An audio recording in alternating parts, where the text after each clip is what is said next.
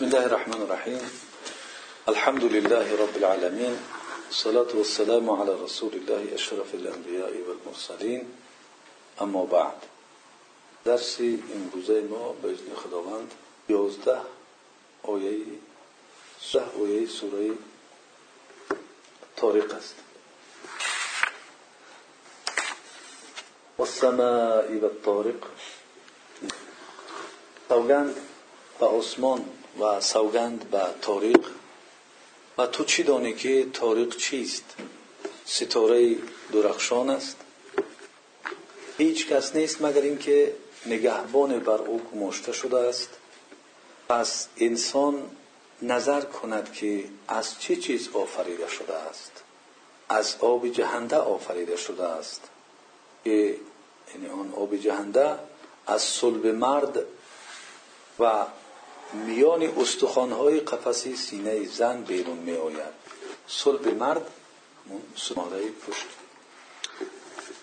خب. بیگمان او بر بازگردانیدن وی به خوبی تواناست. آن روز که رازها همه فاش شود پس آنگاه او را نه نیروی باشد و نه یاوری نه قوت و نه یاری رسانه خب یازده گفتیم ده آیت. ده آیت این سوره انشاءالله که با ما خواهد بود. خب سوگند به ستاره الله سبحانه و تعالی در اینجا سوگند می‌خورد به سمای و طارق. ابتدای سوره این گونه شروع شده است و نام سوره هم از همین آیه اول گرفته شده است که و سمای و تاریخ است مناسبت نامگذاریش هم همین است. سوره سوره مکی است. تقریبا این جز و جز بعضی اختلافات ها سوره ها بعضی سوره دیگر همش سوره های مکی هستند. طبیعت سوره های مکی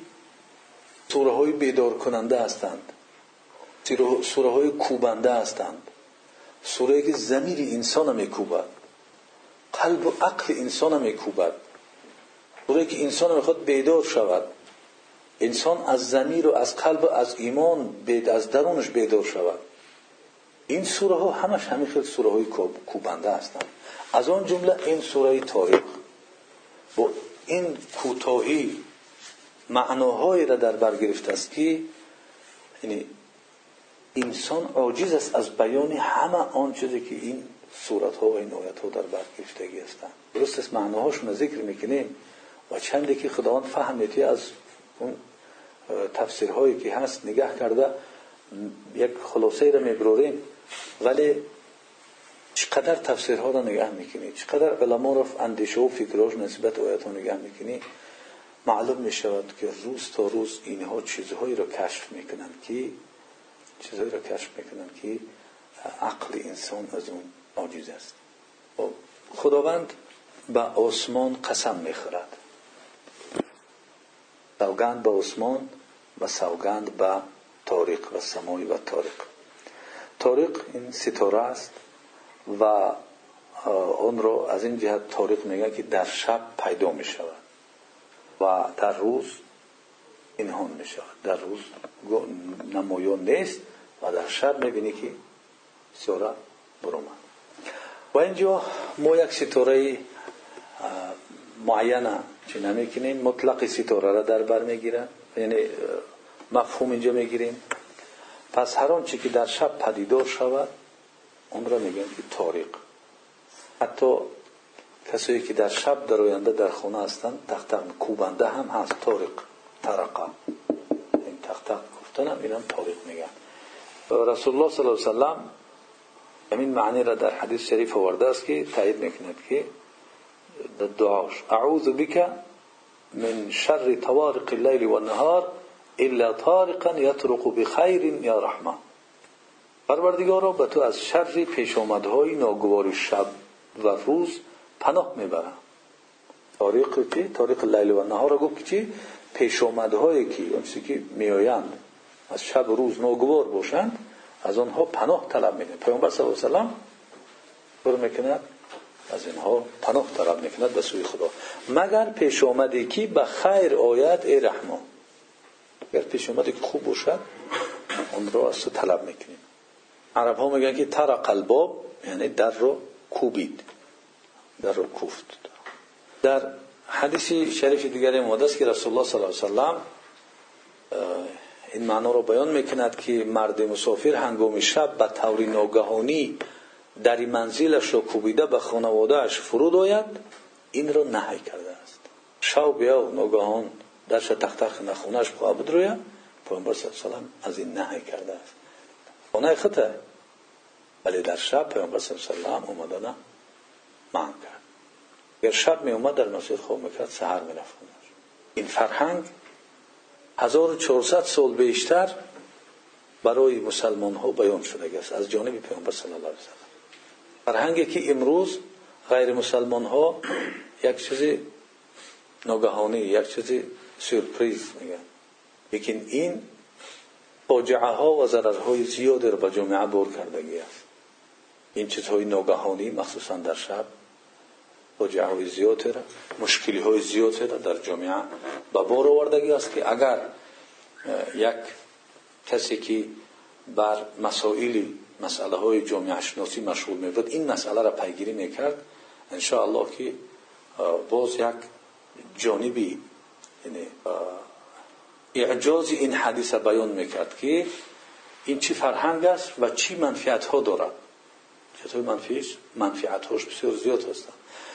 و چی ضرر دارد اون چیزی که امروز می‌خواهند سرپریز کنند.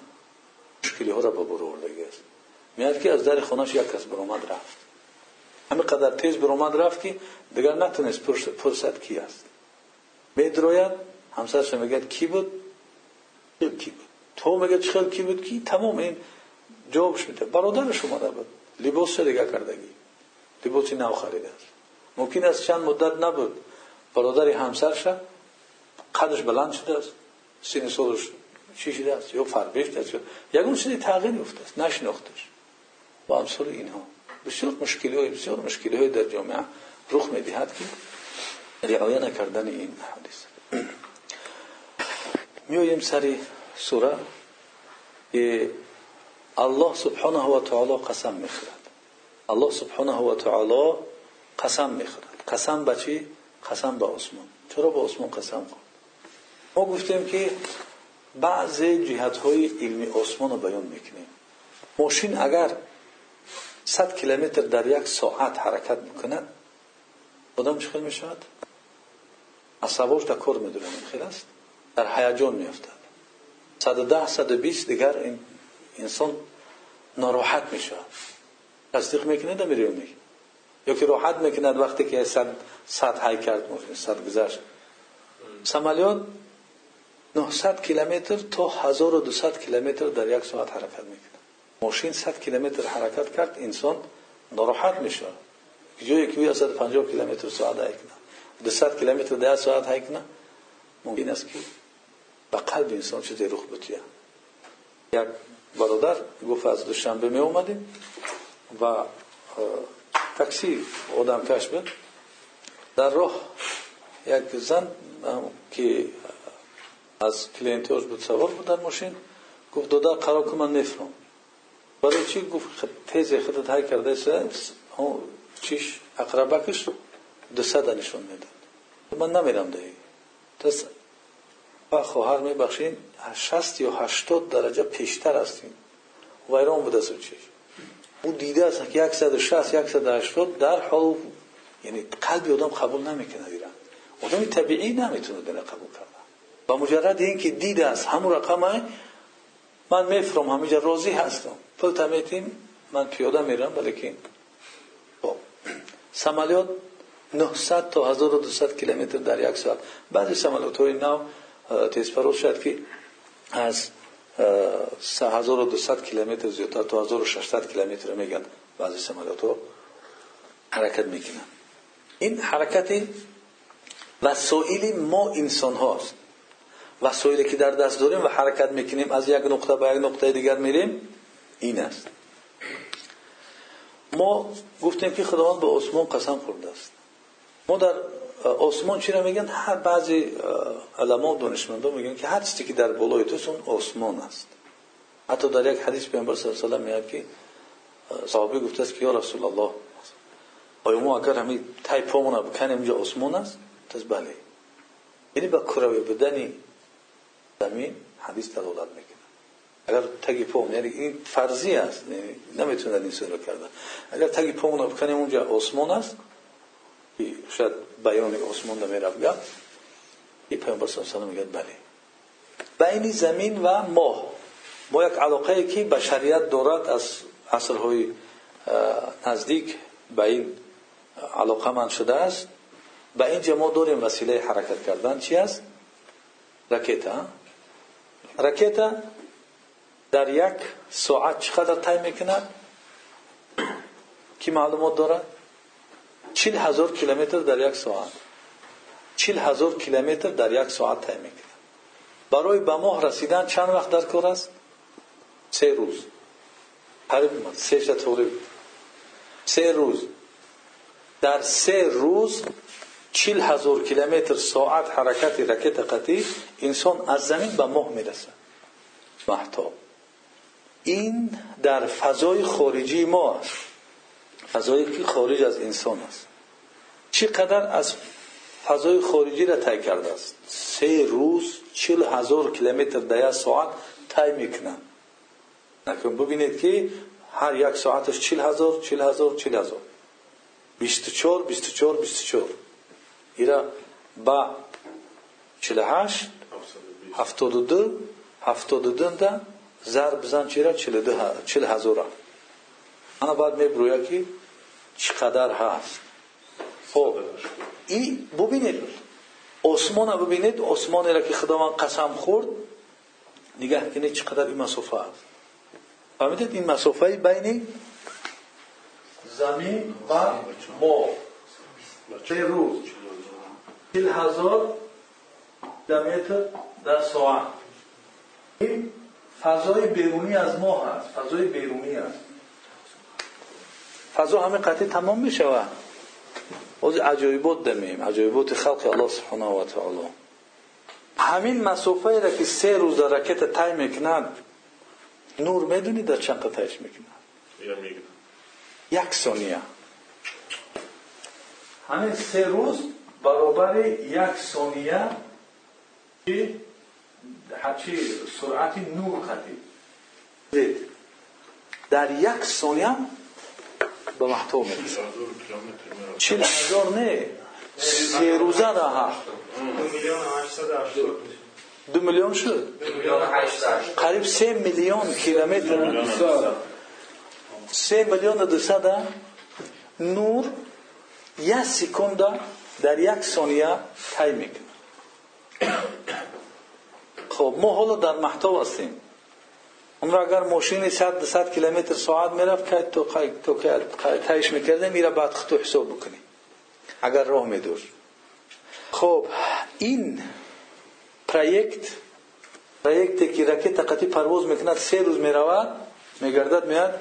می‌دونید چند پول صرف می‌کند؟ 24 میلیون دلار. 24 میلیون دلار سه روز سه روزه کار. 24 میلیون دلار. حرکت نور یک ثانیه. یک ثانیه. 24 میلیون دلار. این نسبت محتوب بود. ما یک چیز دیگه داریم با افتاب میگم. این افتاب در کجاست؟ این افتاب بالان داره. این افتاب مسافه او از زمین تو افتاب 90 میلیون میل است. 90 میلیون میل. او چند میلیون بود؟ سه میلیون سه میلیون دو ست کیلومتر این میل قطعی 90 میلیونش حساب کردگی هستند نور نوری که در یک ثانیه بین زمین و بین زمین و محتوب در یک ثانیه طی می‌کرد بین زمین و افتاب هشت دقیقه نور سحری میبروید اونجا هشت دقیقه در زمین می‌رسه. اما روشنی که میبروید هشت دقیقه وقت لازم است که به همینجا برسه. یعنی این یک ثانیه برابر شست شست ثانیهش یک دقیقه میشه. انا شست ثانیه یک دقیقه. هشت کرده شش. چیلو؟ هشت. چهارصد هشتاد ثانیه می‌شود چهارصد هشتاد مسافه بین محتوب این چی است این فضای بیرونی ما هست. از ما اونه که گفتیم چی؟ آسمان گفته می شود. اگر به آخران ستاره مجموعه شمسی بخواهی که برسی این مجموعه شمسی باز خودش این گالاکتیکای ستاره ها داره. هر یک گالاکتیکا خب این مجموعه شمسی که در اطرافی هستن های خود شده. همه دوردستترین ستاره که دیگه بعد این ستاره در این گالاکتیکا دیگه ستاره نیست. برای رسیدن به آن سیزده ساعت نوری در کار است. سیزده ساعت. این هشت دقیقه بود؟ این سیزده ساعت.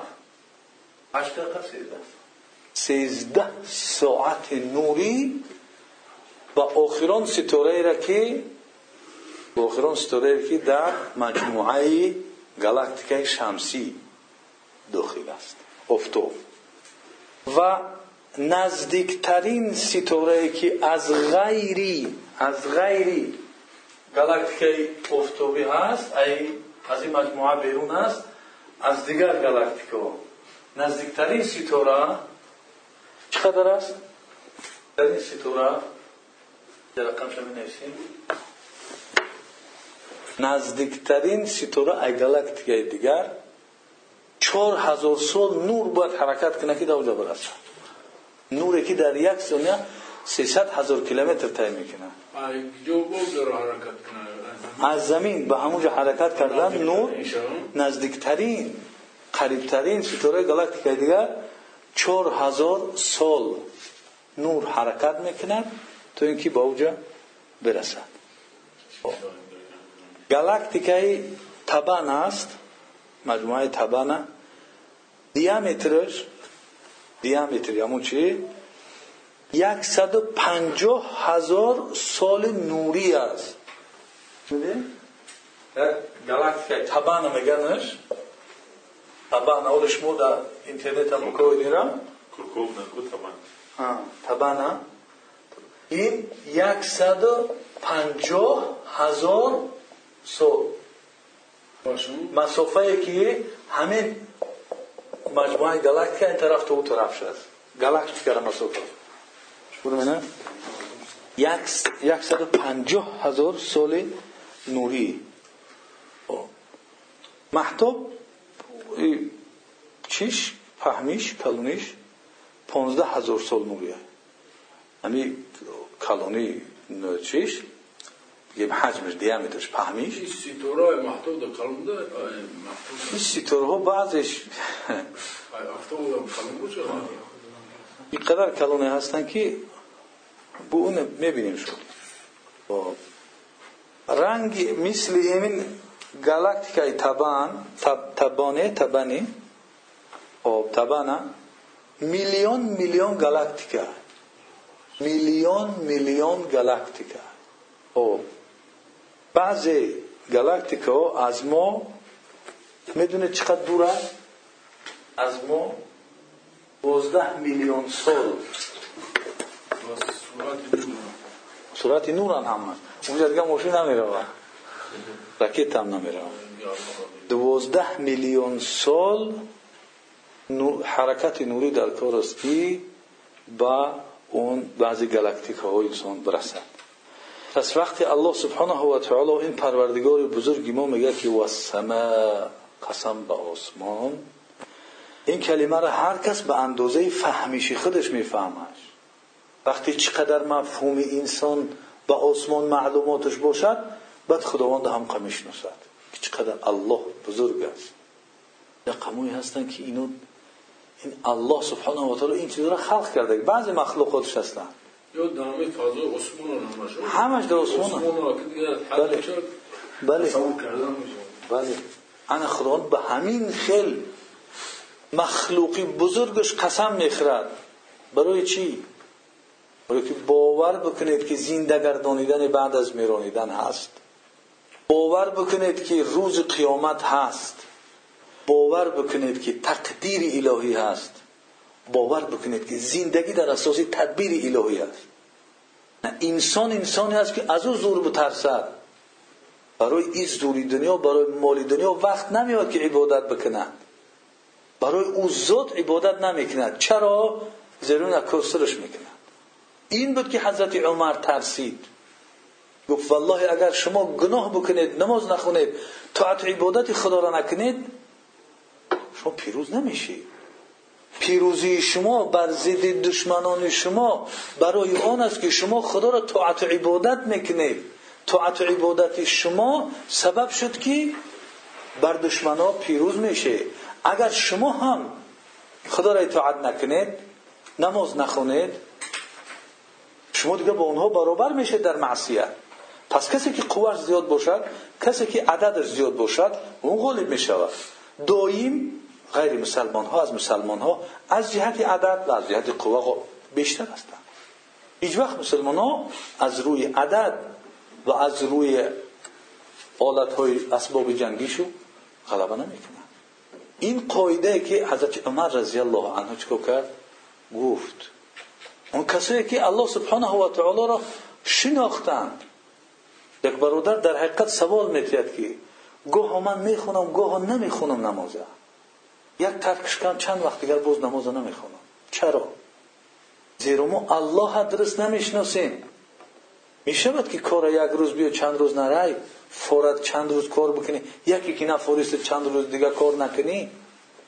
چرا در کار منتظم هستی؟ چرا در اطاعت امر خدا که این خیل خدای بزرگ است منتظم نیستی؟ یعنی انسان بیاد خودشا بشنوزد که ما در این ملک خدا اصلا دیده نمیشیم. باز الله سبحانه و تعالی با ما گپ می‌زند و باز برای ما قسم می‌خورد.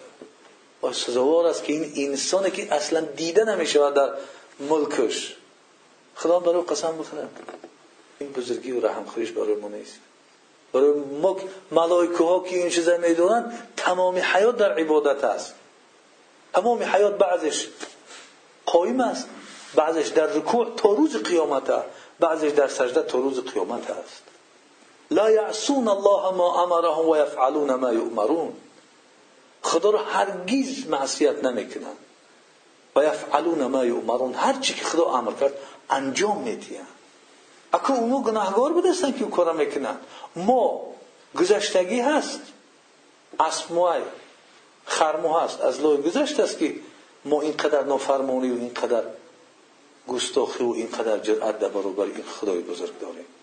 چون به قدر خودش بدونه؟ چون وقتی قدر خودش نمی‌دونه بعد جرأت می‌کنه؟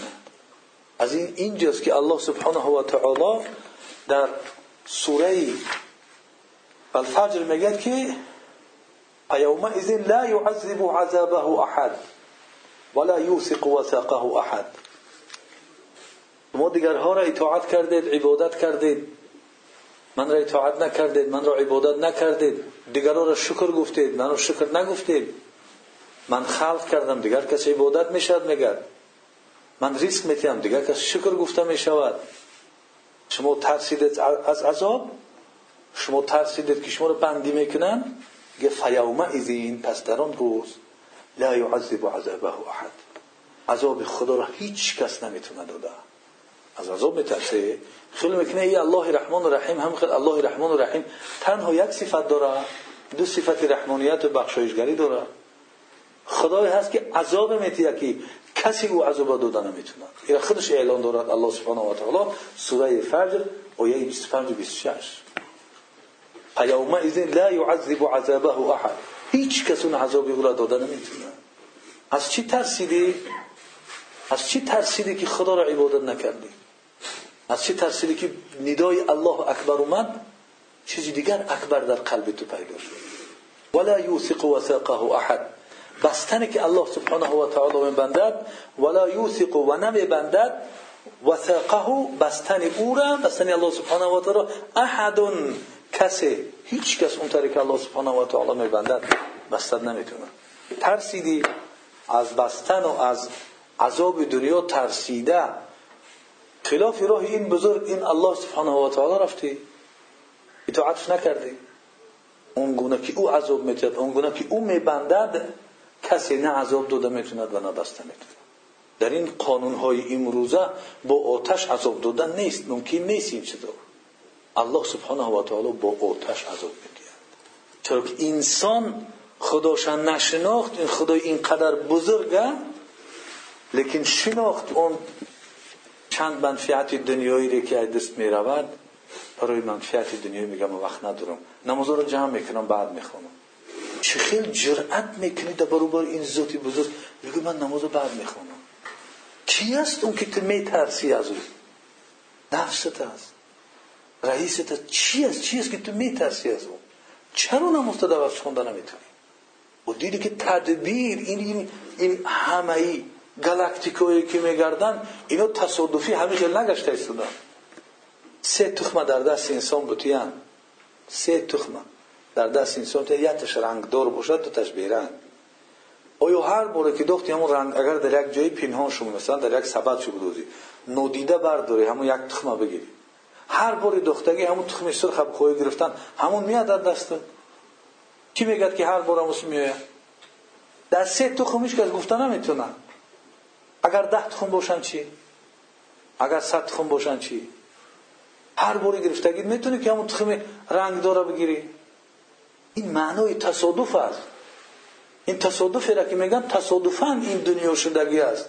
تصادفا این چیزا شدگی هستند معنای آن را دارد که در هزار و در میلیون ها تخمی که میمونی همین دسته که این غلط که این تصادف گویا که چی؟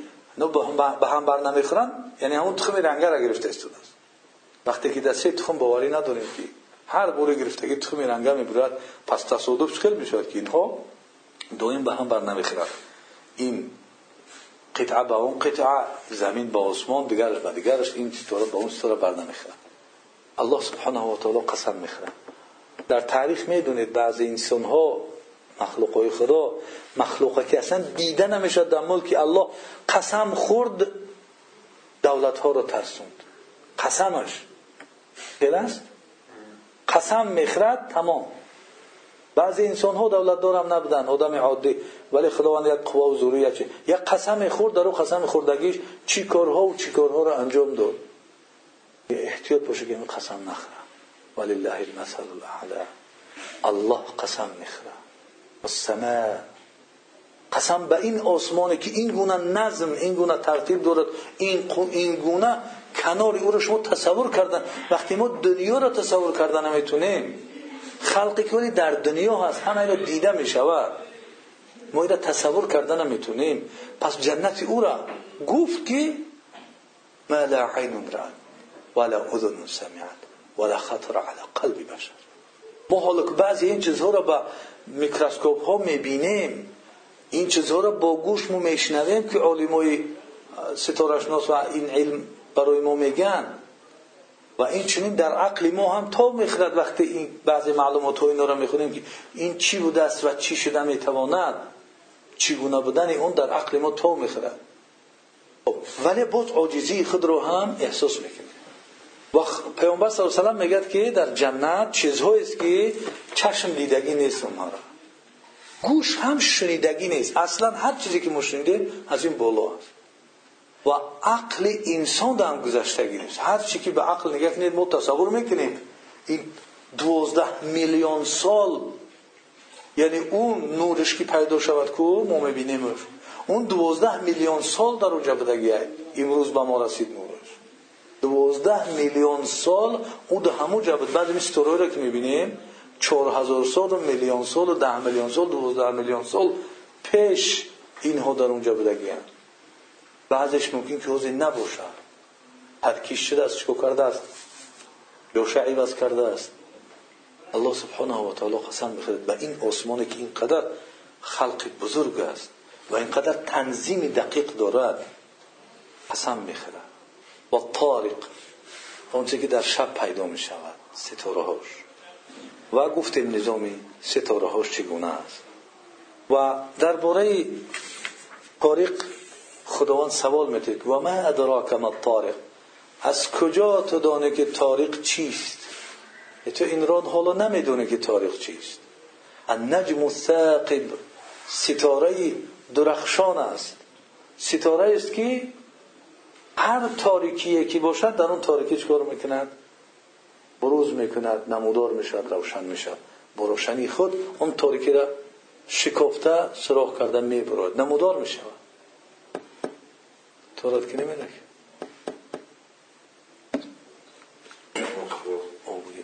النجم الثاقب. اون تاریق اون کوبنده اون ستاره است که یعنی چی؟ درخشنده است. درخشندگی او چی است؟ در شب است. این همه قسم هاش برای چی هستند این کل نفس لما علیها حافظ. نفس نیست یا که هیچ کس نیست مگر اینکه نگهبان بر او گماشته شده است. نگهبان بر او گماشته شده است. با خب، اون نگهبان نگه می‌کند حفاظت می‌کند حساب می‌کند همه عمل های ما را. از جانب الله سبحانه و تعالی دار است. برای نگهبانی ما برای حفاظت کردن عمل های ما برای نوشتن همه آنها. به حساب گرفتن آنها. مراقبتش می‌کند؟ نظارت می‌کند که این چکار می‌کند؟ همه عملهاش را حساب می‌کند آنها را نگه میدارد. و این چگونه گفتیم وظیفه دار از جانب الله سبحانه و تعالی است. پس از اینجا معلوم می شود که این دنیا دنیای ببندوباری نبوده است. گفتیم ما بعضی کس می‌خواد آزادی. آزادی مطلق. آزادی مطلق برای کی است؟ دیوانه انسان عاقل نمی‌توند که آزادی مطلق طلب بکنه. آزادی مطلق فقط برای دیوانه هاست. اون حد و حدود و مرز ندارد دیگر نمی‌دوند حد مرز دیگر را گذشتن می‌گیرد از همه حد و حدود. این آزادی مطلق است. پس آزادی مطلق برای دیوانه هاست. پس این دنیا هم دنیای نیست که بی دروازه باشد و بی بند باشد. خب اینا نه پاسبان داشته باشند همین خیلی به حال خودشو گذاشتگی باشند. و هر چی کاری که بخواهند بی نظارتگر کردن بگیرند. همه عمل ها دقیق دقیق شموریده می شود. همه عمل های ما دقیق شموریده می شود. همه عمل های ما دقیق شموریده می شود. و اینچنین جزای انسان هم بنابر اون شمارش دقیق است.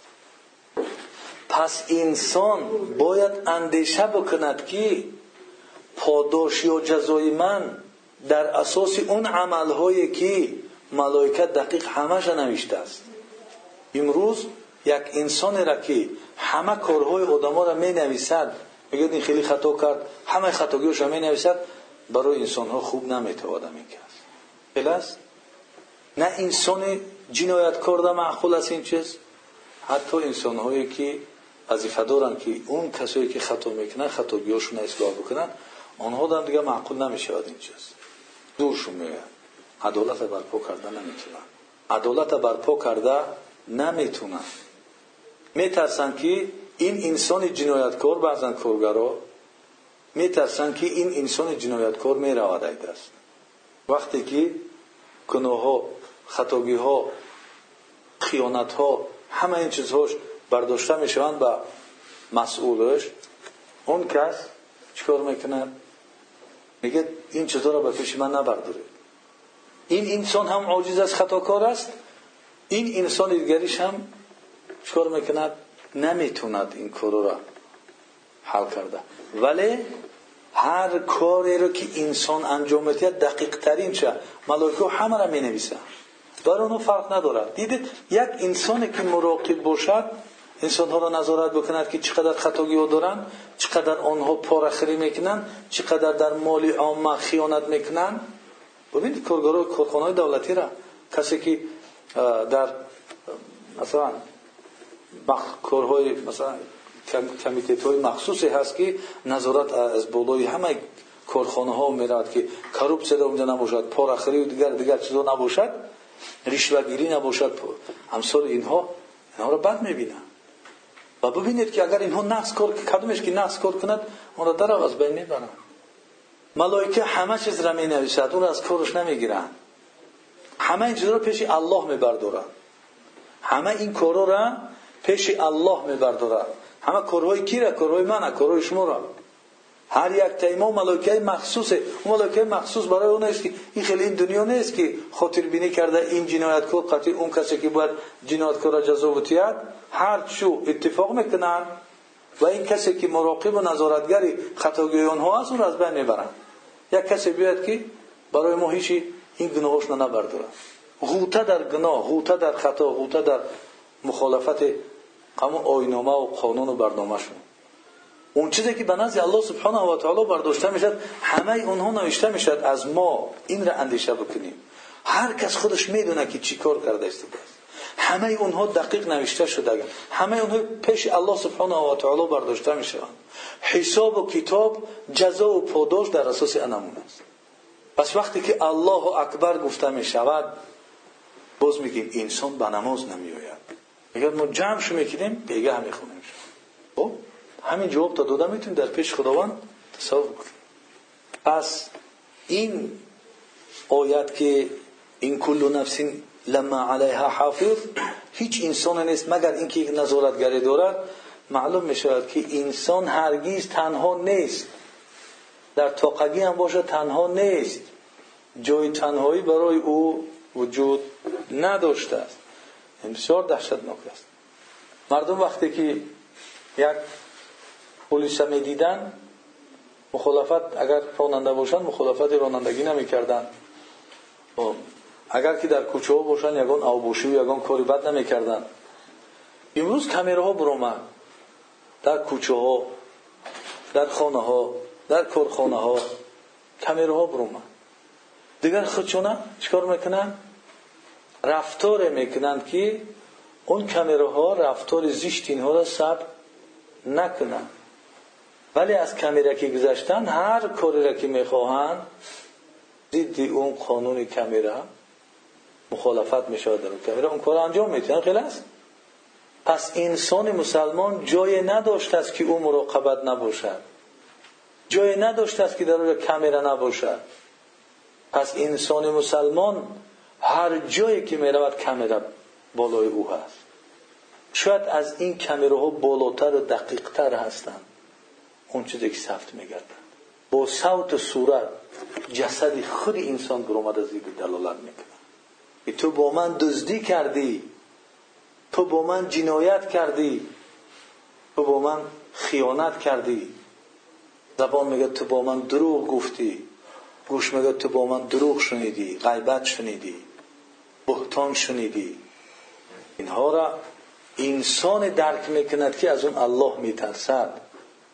و هر کاری را که در این دنیا از خیانت و از جنایت و از دزدی و از اینها باشد همه اینها رو در همینجا تصفیه حساب می‌کنن به پیش الله نمی‌برن اون چیزها زیرا که همه تصفیه حساب می‌شوند بخواهی و نخواهی می‌شوند لیکن در نزد خدا باز میتر است در اینجا آسان است.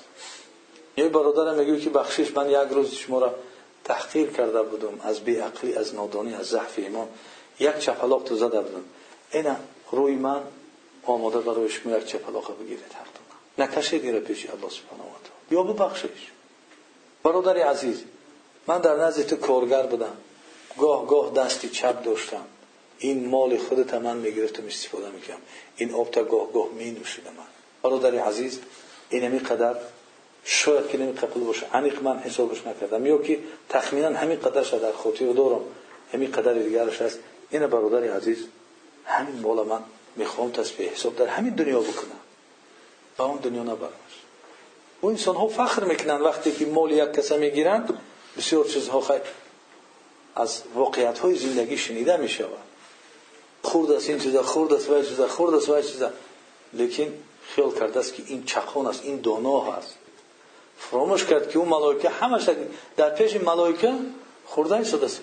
مال دیگر کسا و همش حساب دارن پس چگونه ای که ببینید. چگونه ای که نجم ساقبه ستاره درخشان در آسمان. مثال آورد اکی حجی چخیلی که ستاره را. مثال آورد که در تاریکی سیاه که روز بود هیچ دیده نمی‌شد. شب شد چکو کرد؟ ستاره ها نمودار شدن. انسان حالتی هست که این با این قسم الله سبحانه و تعالی با آسمان و به ستاره مخصوصا ستاره درخشان و انسان علاقمندی این چیز به انسان علاقمندی هستی کون هستی دنیا با انسان و گفت که انسان نظارتگر دارد. معناش چی است؟ چی علاقه دارن اینها با هم؟ علاقش این است که آن گناهی را کردی آن پوشیده که سفید است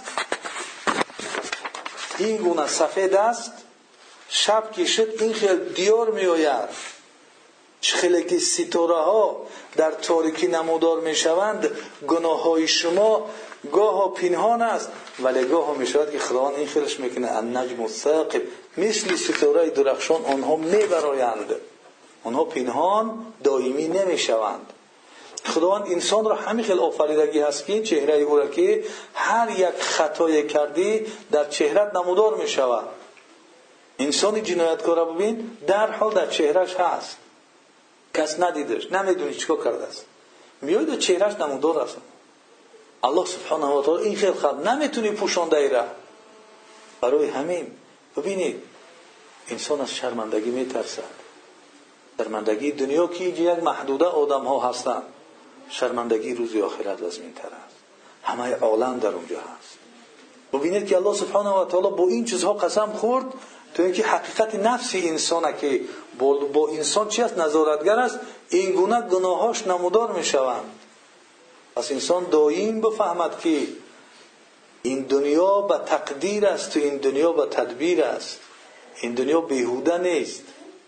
هوایی نیست. همه شما برای این رفتار و برای این کردار تو در نزد الله سبحانه و تعالی جواب خواهید داد. چرا الله سبحانه و تعالی یک ملائکه یک مخلوق بهترین خود را موکلی یک عرقخور یک فاسق یک بیکاره یک زیناکار کرده یک دزد یک رهشب یک غیبتچی کرده؟ بیهوده هستن اینا. و ملائکه بیهوده می نویسد اینا را. ملائکه بیهوده این کار را حیات خود را صرف می‌کند. اون مثل این دنیا نیست. اونها چه هستند غلاظ شداد اونها بسیار درست درشت هستند اونها بسیار سختگیر هستند لا یعصون الله ما امرهم. هر چی که امر کرد الله اونها نافرمانی نمی‌کنند و یفعلون ما یؤمرون. هر چی امر دادن البته اونها رو انجام می‌دهند او جوره شده نمی‌تونن. اونها رو پول قدی خریده نمی‌شود. اونها رو تب کردن نمی شود خیشتباری نمی شود چریز نمی شود اونها. می نویسن همه با عقل با خیرت در پیش اونها جنایت نمی کنن چی رسد بر پیش الله سبحانه و تعالی؟ انسانی با عقل شرم داره در پیش یک انسانی با آبرو گناه بکنه. چی رسد که در پیش ملائکه؟ این ایمان همین است. ایمان به غیب همین است. پس از اینجا انسانی به ایمان درک می‌کند که این دنیا چقدر به تنظیم است. دنیا چقدر نظارتگرها داشته است. بیهوده خلق نشدیم هر لحظه ما به حساب است به کتاب است. خلق عجیب الله سبحانه و تعالی را ببینید که چقدر است. و سخنرانی و آیت های الله سبحانه و تعالی را ببینید که چگونه انسان میرد مستحکم می‌کند. عقل فراست او را در جایی که از او یگون که ضرر نمی‌بیند. وما ارسلناك الا رحمتا للعالمین تو تنها رحمت برای عالمیان خلق کردیم ولی عالمیان یک طرف بشد ما هم مسلمانان خود برادر خود چه زیان رسانده است؟ معلوم می شود که فهمیش او نسبت الله فهمیش او نسبت این دین ایمان او در ضعف است بیمار است ایمانش. خوف و خطر است. انسان نلغزد به اون جهنم به اون عذاب به اون ناروزگی الله سبحانه و تعالی. پس نظارتگر اون ملائکه یگان چیز پوشش نیست کمیرا رو می‌گیرن چیزی میپوشونن تا که نبینند جای تنها می‌روند نمی‌شود نمی‌شود به یگان صورت نمی‌شد پیش او را گرفته پیش او را پوشانده نمی‌شود از انسان مسلمان از این جهت همیشه در خیر است اگر انسان مسلمان واقعی باشد فلينظر الإنسان مما خلق؟ خلق من ماء دافق يخرج من بين الصلب والترائب. إنه على رجعه لقادر يوم تبلى السرائر فما له من قوة ولا ناصر. مجموع این آیت ها اینکه فلينظر الإنسان مما خلق؟ خلق من ماء دافق يخرج من بين الصلب والترائب. این آیت ها بر یک حقیقت دیگر ما را برمیگردونند. از اون هستی آسمان و این چیزها. و انسان به اصل خلقت انسان. الله سبحانه و تعالی می‌گوید که امر می‌کنه. امر از جانب الله است اکی حدی امر از جانب الله است چی میگه؟ فلینظر الانسان مما خلق. انسان نظر بکند که از چی چیز آفریده شده است. این مسئله دیگری هست که برای انسان شناسی است. انسان گاه خود چه نمی‌شناسه؟ میگه که من مشق کردگی قدر زور هستم باید زندگی من دیگه خیل باشه. من کار کردم اینقدر پول مال دارم باید زندگی من دیگه خیل باشه. یا اینکه چرا اونها اونقدر پول مال دارن؟ من هم همسیر و همسال اونها من هم همشهری اونها پول مالی من کم است. ما باید دارن نیمش حقی من است. از کجا حقی تو است می‌تونم گرفته الله سبحانه و تعالی می‌گوید که فلینظر الانسان من خلق.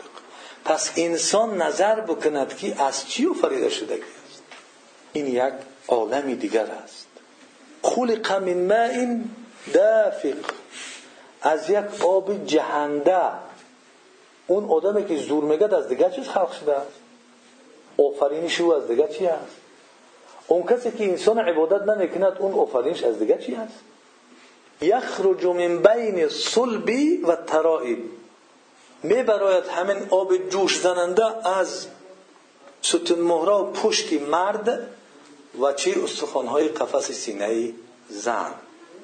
اصلی پیدایشی این چیز را در اصل بیست کشف کردن که تقریبا اصل بیست است که از مکان اصلا پیدا شدن اون آب. قرآن این را برای بشریت شاید در کتاب های دیگر هم بود لیکن اگر چه که در ما عمیق در 1400 چند ساله که هست اومد از سوره تاریق خبر داد که چه؟ خلق من ماء دافق از آب جهنده خلق شده از انسان و این آب چی است؟ یخرجو می براید از کجا؟ من یخرجو من بین صلب و ترایب از این پشت و از قفس سینه زن فلینظر الانسان مما خلق. این دو آب از هم از انسان میبرویند و میآیند در یک جا قرار می‌گیرند. خلق انسان از یک آب. این آب گفتیم از زن و مرد. بعضی علما و دانشمندا گفتن که از همون پشت و از همون چی است قفس سینه زن.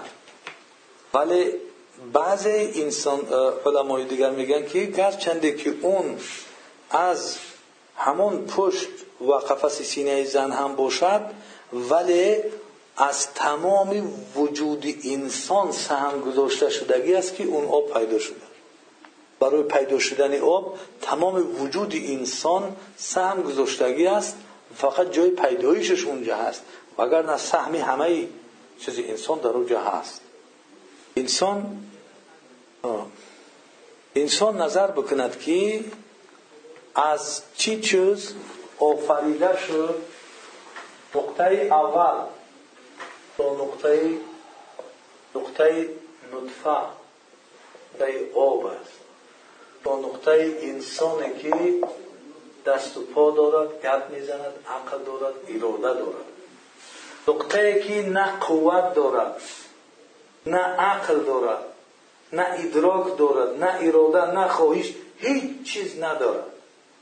نقطه که عقل و فراست و ادراک و قوت و این چیزها را چکار اراده و خواهشات دارد. فکر کرده است این خیلی شدگی این پدر و مادر در اون ها عقل و فراست و ادراک جا کردن؟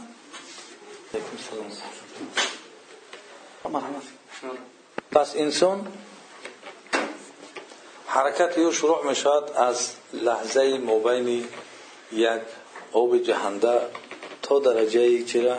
یک انسانی که با عقل یک انسانی که با هوش با یک انسانی که اینقدر ترکیب استخوانها و گوشت و پوست و این رگ و پیوند و درک و اینها هستند این مسافه بسیار مسافه دور است مسافه بسیار دهشتناک است. چگونه که مسافه بینی زمین و این مسافه ها هست؟ این مسافه هم آسان نیست.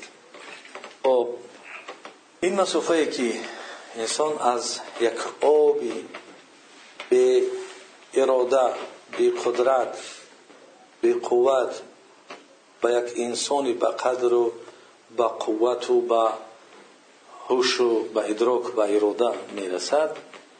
این چیز دلالت می‌کند که یک دست خارجی هست که این چیز را تنظیم میتید یک قوه دیگری هست که این چیز را تنظیم میتید و به اینجا میرساند.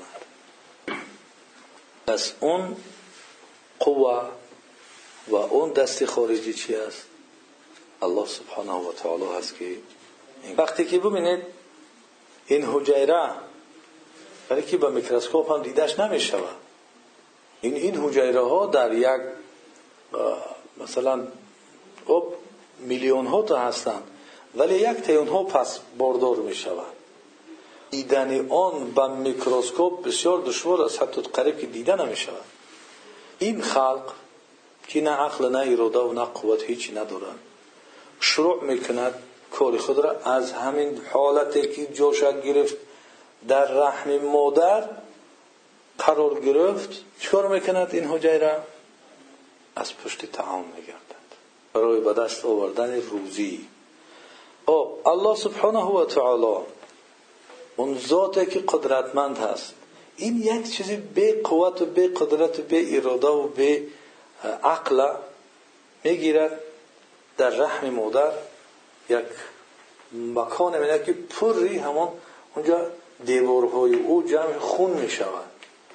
و اون خون تازه رزق و روزی همان حجیره می شود الله سبحانه و تعالی روزی او را در اونجا آماده می‌کند پر می‌کند اون را در رحم مادر میتیر به تنظیم به نقشه نیست.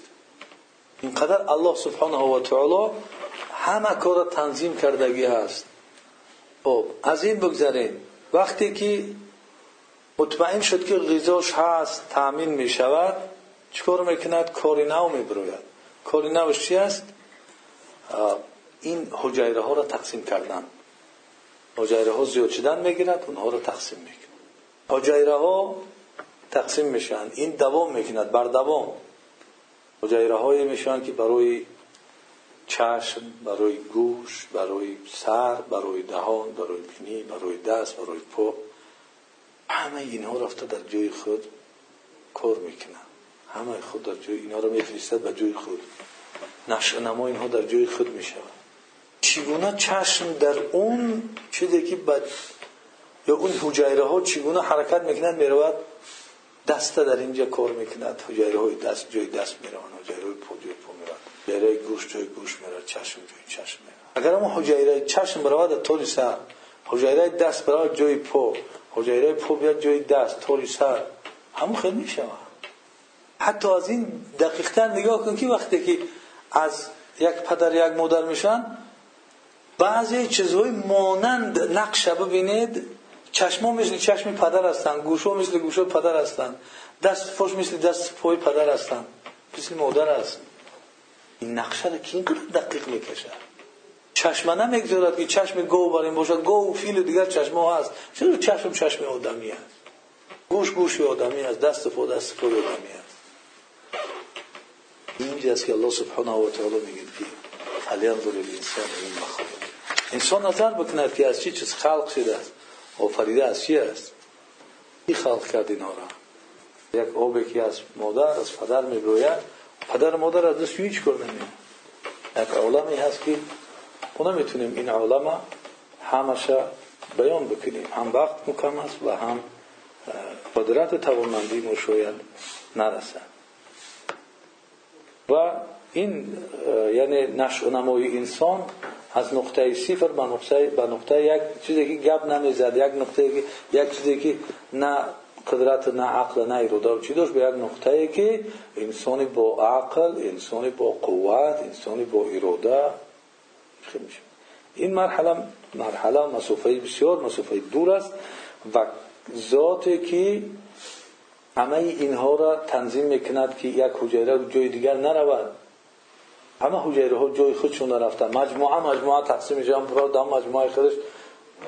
بتبت همه دست الله می‌کنن و اون الله این مخلوق خود را رعایت می‌کند نظارت می‌کند باز توجیه و هدایتش هم می‌کند.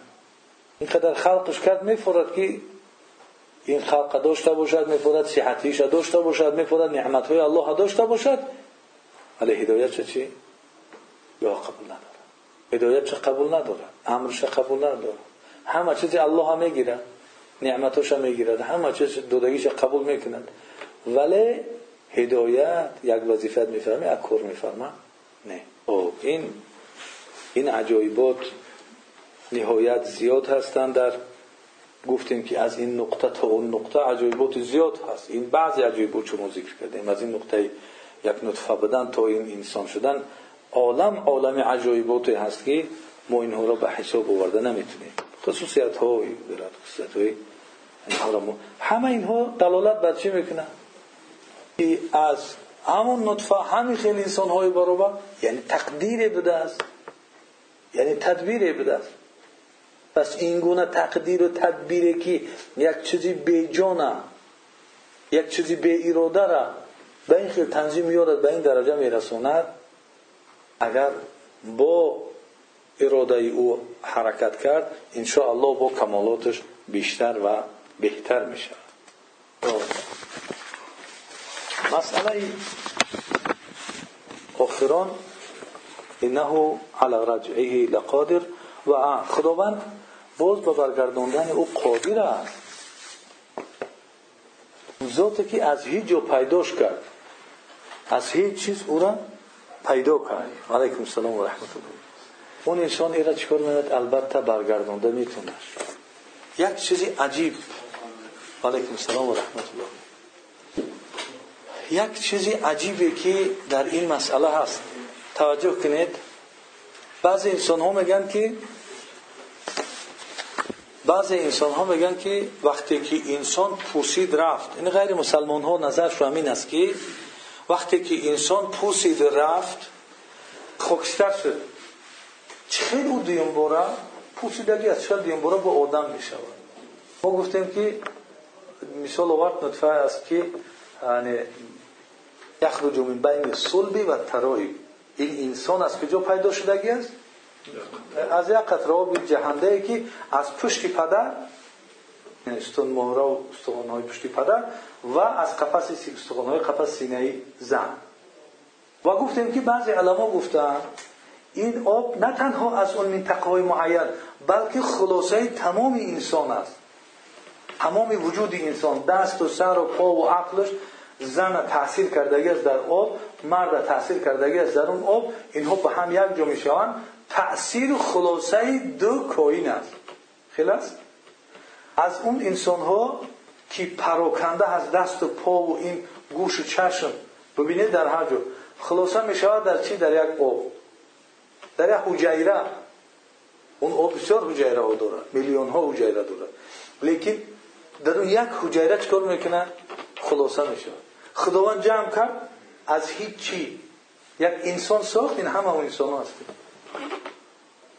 و این دلیل میارد که بار دیگر همین خیل اگر در کجای پراکنده شده باشد خاکستر کرده شدگی یا که پوسیدگی و چکار کردگی باشد دیم باره باز همون چیزا چکار میشن؟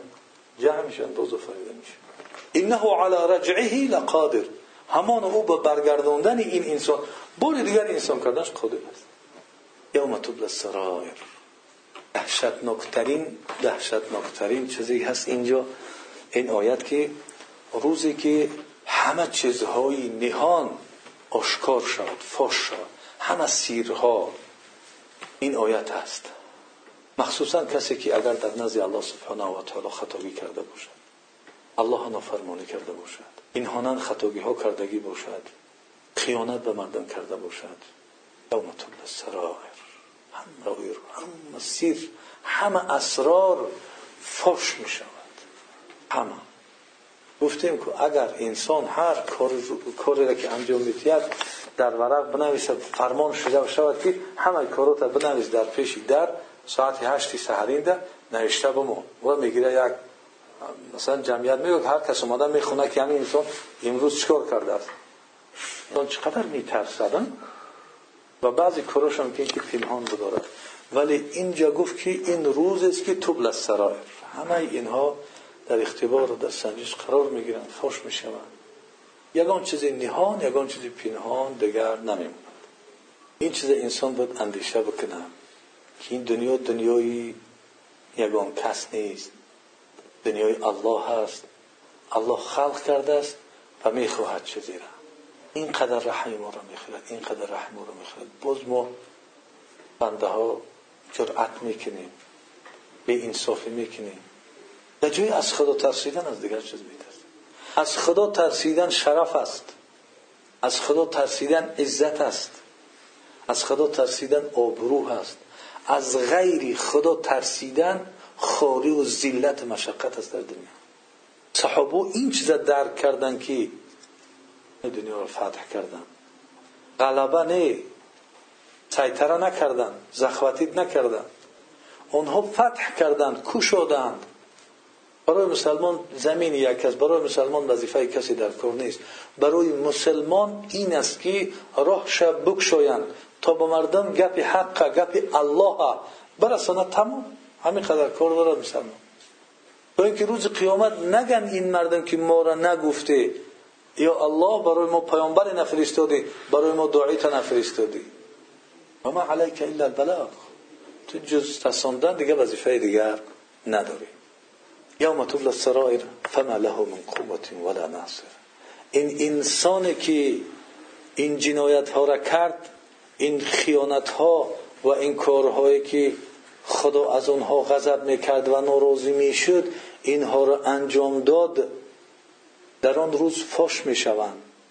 لیکن آن روز مثل این روزه که قدرت داشت که قدرت داشت که عرق بنوشد قدرت داشت که زنا بکند قدرت داشت که دزدی بکند قدرت داشت که غیبت بکند.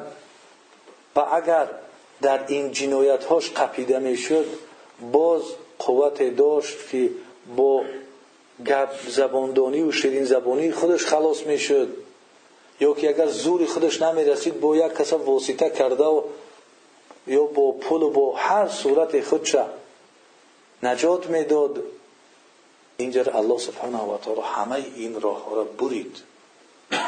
فما له من قوت ولا ناصر. نه خودش دیگر قوت دارد.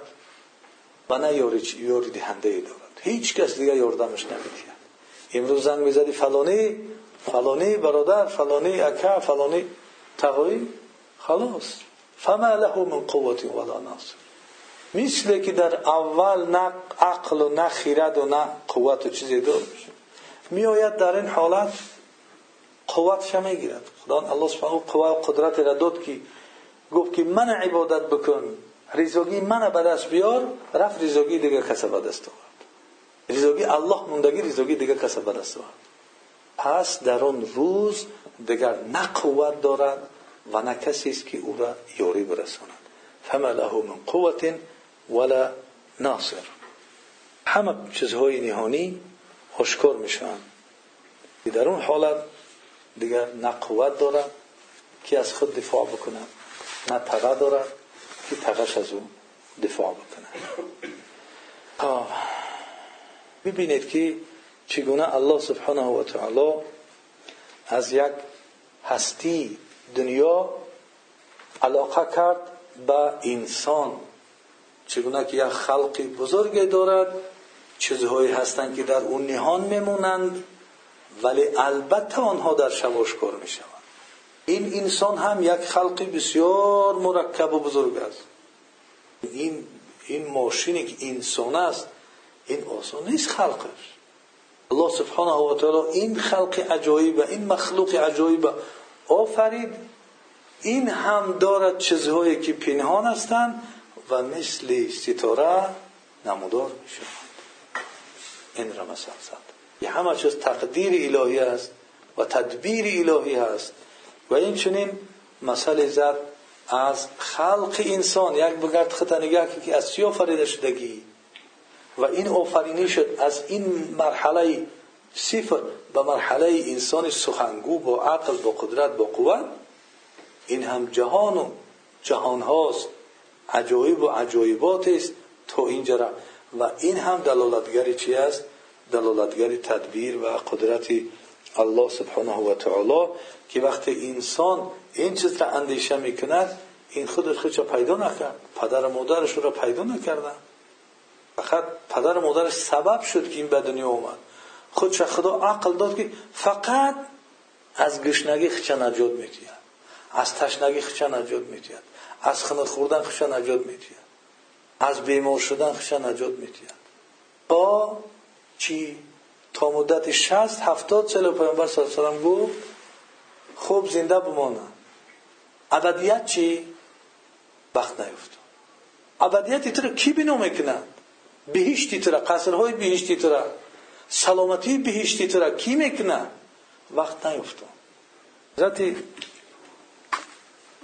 نوح علیه السلام وقتی که بگد ولا تخاطبنی فی الذین ظلموا انهم مغرقون. کسی که غرق می شدن از جمله اون کافران کی بود؟ پسرش بود؟ پسر نوح علیه السلام. الله سبحانه و تعالی میگه که پسرش بود. ولا تخاطبنی فی الذین ظلموا. در مورد کسانی که ظلم کردن تو من خطاب نکرد. دربارشون گم نزد. برو نگو که پسری من بود. پروردگار من پیامبر بودم. پیامبری تو هستم. فرزندی من نجات بتی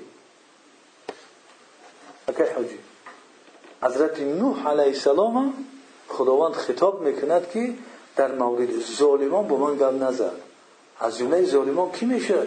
پسر نوح علیه السلام. 950 سال نوح علیه السلام دعوت کردگیه مردم به سوی خدا 950 سال دعوت کرده خونده. چخیل دعوت کردگی است بعضی دعوت ها در سوره الاعراف. میگه که اینی اخاف علیکم عذاب یوم عظیم. من میترسم که برای شما یک عذاب بزرگ نیاید. نوح علیه السلام قومش میگه. من از عذاب کشیدن شما میترسم. شما در عذاب بزرگ گرفتار میشید 950 سال دعوت کرد که آنها در عذاب گرفتار نشوند. 950 سال این فقط مدت دعوتش از عمرش نه عمرش از این زیادتر است. 950 سال کسی دعوت می‌کنن پسرش نمی‌توند که نجات بده زنش نمی‌توند که نجات بده سوره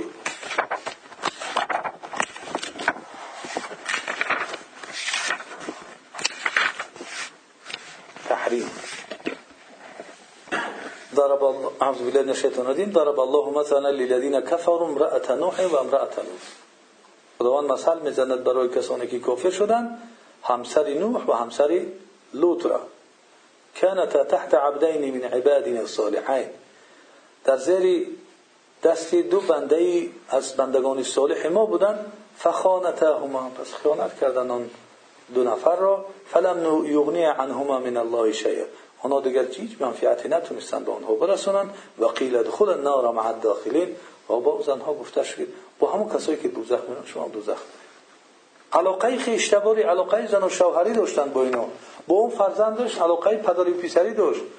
ولی نتونست اون پیامبریشو زنهاشون اینها را یا که نوح علیه السلام فرزند پسرش نجات بدید ولا تخاطبنی فی الذین ظلموا. آیه هفتی سوره المؤمنون. جزئی آیت است. در مورد کسانی که ظلم کردند خطاب نکن. کسی خدا را گپش نگرفت اون ظالم است. این همین را معنی دارد کسی که گپی خدا را نگرفت اون ظالم است. او ظالم الله سبحانه و تعالی عذابش میده کسی که غیبت می‌کند ظالم است. کسی دروغگویی می‌کند ظالم است. کسی خبرکشی می‌کند ظالم است. کسی خیانت می‌کند ظالم است. کسی که امانت همسر شد درست تربیه نمی‌کند در راه خدا نمی‌برد ظالم است. کسی که فرزند شد در راه خدا درست نمی‌برد تربیه نمی‌کند ظالم است. پیامبر صلی الله علیه و میگه که فرزنداتون در هفت سالگی امر کنید به نماز. و به ده سالگی رسیدن اونها را بزنید برای نماز. و جای خواب پسر بچه و دختر چی؟ دخترها رو جدا کنید. کسی این کارها رو نمی‌کند ظالم است. احترام پدر و مادر. وقتی کسی که پدر میرنجاند وقتی کسی مادر میرنجاند ظالم است. کسی که شوهر میرنجاند ظالم است. همسایه را میرنجاند ظالم است. خیشتبا را قهری می‌کند میرنجاند ظالم است. عهدی که با یک نفر کردی چی مسلمان است چی غیر مسلمان است؟ عهد و پیمان شکستن از جانب مسلمان ظالم هستیم الله یحب المقسطین خداوند عدالت پیشه ها را با غیر مسلمان ها دوست میداره مسلمان نیستن ولی تو که عدالت کردی مسلمان هستی خدا را اطاعت کردی در معاملات مناسبات با غیر مسلمان خدا دوستت میداره. عدالت پیشه ای تو سپراویدلیوی خداوند انسانی پاک دوست میدارد. انسانی اطاعتکار شد دوست میدارد. انسانی که دیگر کسی اطاعت می‌کند انسانی که در خدمت نفس شد در خدمت دیگران در خدمت الله نیست او را دوست نمیداره الله سبحانه و تعالی. عقل و و دوست نمیدارد. سبب المؤمن فسوق. یا که مؤمن بزی نمی‌شود درشت گپ حقارت چی نمی‌شود مؤمن. یک گپی عادی شدگی است برای بعضی مسلمان خدا دوست نمیدارد اینها را. الله سبحانه و تعالی براش رجال صدق ما عاهد الله علیه فمنهم من قضى نحبه و منهم من ينتظر این گونه بنده ها را دوست میدارد صادق باشند در عهد پیمانشون پاک باشند ابوذر غفاری حقارتش کرد. حضرت بلال گپی گنده چی گپی گندهش گفت؟ گفت که بچه که سیاه. همین گپش گفت های بچه سیاه. پیش پیامبر صلی الله علیه و رفت حضرت بلال گفت که من تعنم کرد صدا است که تو سیاه که مثلا من مادرم هم خیلی من چیکار کنم با؟ باش صلی الله علیه و گفت اعیرته به امی تو انک امرؤ فیک جاهلیه تو انسانی هست که تا حالا در وجود تو جاهلیت است ابوذر غفاری صحابی اندک بود. پیامبر صلی الله علیه و گفت که تا حالا در وجود تو جاهلیت باقی مونده گفار ما اصلا خیال می‌کنیم که کار خوب انولی گپای خوب خداوند را قبول نمی‌کنه ابوذر غفاری صحابی بزرگ برای خود را پاک کردن از این گناه سرش در زمین موند. و الله گفت اگر همین بلال پاش در بالای چهره من نماند من سر از زمین میبردارم برای کفارت این گناه کردگیم برای این گپ ناجای گفتگیم در حق برادر حضرت بلال گشت گفت که والله سری که برای الله سجده کرده است هرگز پای بلال بالای اون سر مونده نمی‌شود بالای او رو مونده نمی‌شود بلال اون انسان نیست که بالای سری کسی که الله را پیش سجده کرده است پا این گونه بنده ها را الله سبحانه و تعالی دوست می‌دارد. چرا ما این گونه بنده هایی نشیم که الله دوست می‌دارد چرا ما تا این روز خودمون می‌کشیم از این دایره دور می‌کنیم؟ در یک دایره که آنها را الله سبحانه و تعالی دوست نمیدارد. این مردانگی نیست. بیایید مردانگی کنیم. در جای خودمون بیاریم نشان بتونیم که اونجا جایی که هست که الله سبحانه و تعالی آنها را دوست میدارد. این گونه برادری این گونه دوستی این گونه خدا ترسی این گونه خدا دوستی و این گونه پیامبر دوستی. این گونه شناختن جنت و این گونه شناختن دوزخ در قلب ما باشه. هم را بهوده نگذاریم. خودمون فریب نکنیم. هیچ کس فریب نمی‌خورد. هر کس خودش فریب میده هر کس خودش این دایره محبت الله سبحانه و تعالی دور کرد جز خودش هیچ کسی دیگر فریب نداده است. اولین کسی که فریب می‌خورد خودش است. خودش ریشه خودش کنده است برای آتش دوزخ خداوند پناه بده تریاک ما شما را و از این آیات ها عبرت بگیریم و خود را از محبوبان الله سبحانه و تعالی و حبیبان الله بگردانیم که خداوند بنده هایش تعریف کرد که آنها را دوست می‌دارد و هم دوست می‌دارد پروردگار ما را از همان جمله بگرداند و این آیت هایی که برای تقویه ایمان برای بیدار گشتن ایمان. ببینید آیت های کوتاه کوتاه هستند ولی انسان میگن بیدار شو بخیز از اون خواب غفلت از اون خواب گرانت بخیز و به سوی الله حرکت بکن. خدای خداوند این چیزها در دل های ما تاثیر کرده باشند و تاثیر بکنند و هرگیز اثری خودش از قلب ما نبرد. پروردگارا ایمان را در قلب ما زینت بده و محبوب قلب های ما بگردان و کفر و عصیان و نافرمانی تا پروردگار را در قلب های ما بد بنما. اون را ما بد ببینیم و از اون دور باشیم. و صلی الله تعالی علی خیر خلق محمد و علی آله سبحانك اللهم بحمدك نشهد ان لا اله الا انت جزاكم الله